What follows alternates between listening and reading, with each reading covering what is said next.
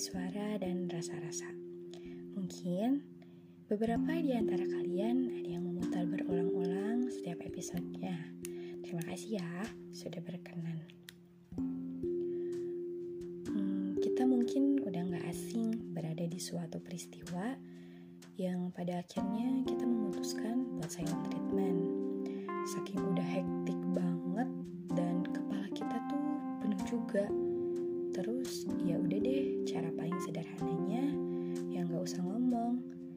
Kita diam aja. Toh sebenarnya kita juga nggak perlu tuh menjelaskan apa-apa kalau kita juga mau. Hmm, ya memang cara paling simpelnya adalah dengan nggak ngapa-ngapain. Ya udah orang juga nggak perlu tahu. Tapi nih sebenarnya kalau dalam situasi tertentu, saat kita lagi berada dalam satu hubungan dengan manusia lain, rasa-rasanya mendiamkan itu bakalan menciptakan lebih banyak persepsi yang gak terduga. Misalnya, mungkin dia lagi bosen kali ya, atau sebenarnya dia udah nemu orang baru yang lebih asik segitu gak asiknya lagi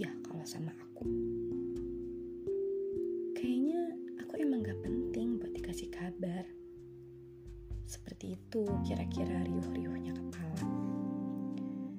Meskipun ya kita tahu juga apa yang ada dalam pikiran kita adalah tanggung jawab diri kita sendiri.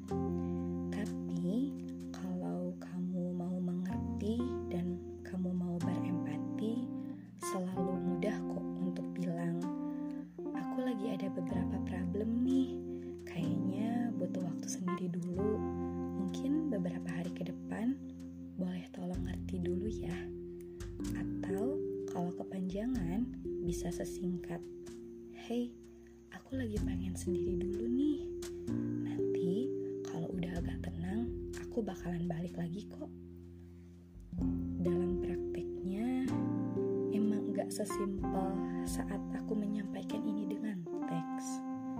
Tapi sebenarnya ini bisa memangkas hal-hal ke depannya yang seharusnya gak terjadi.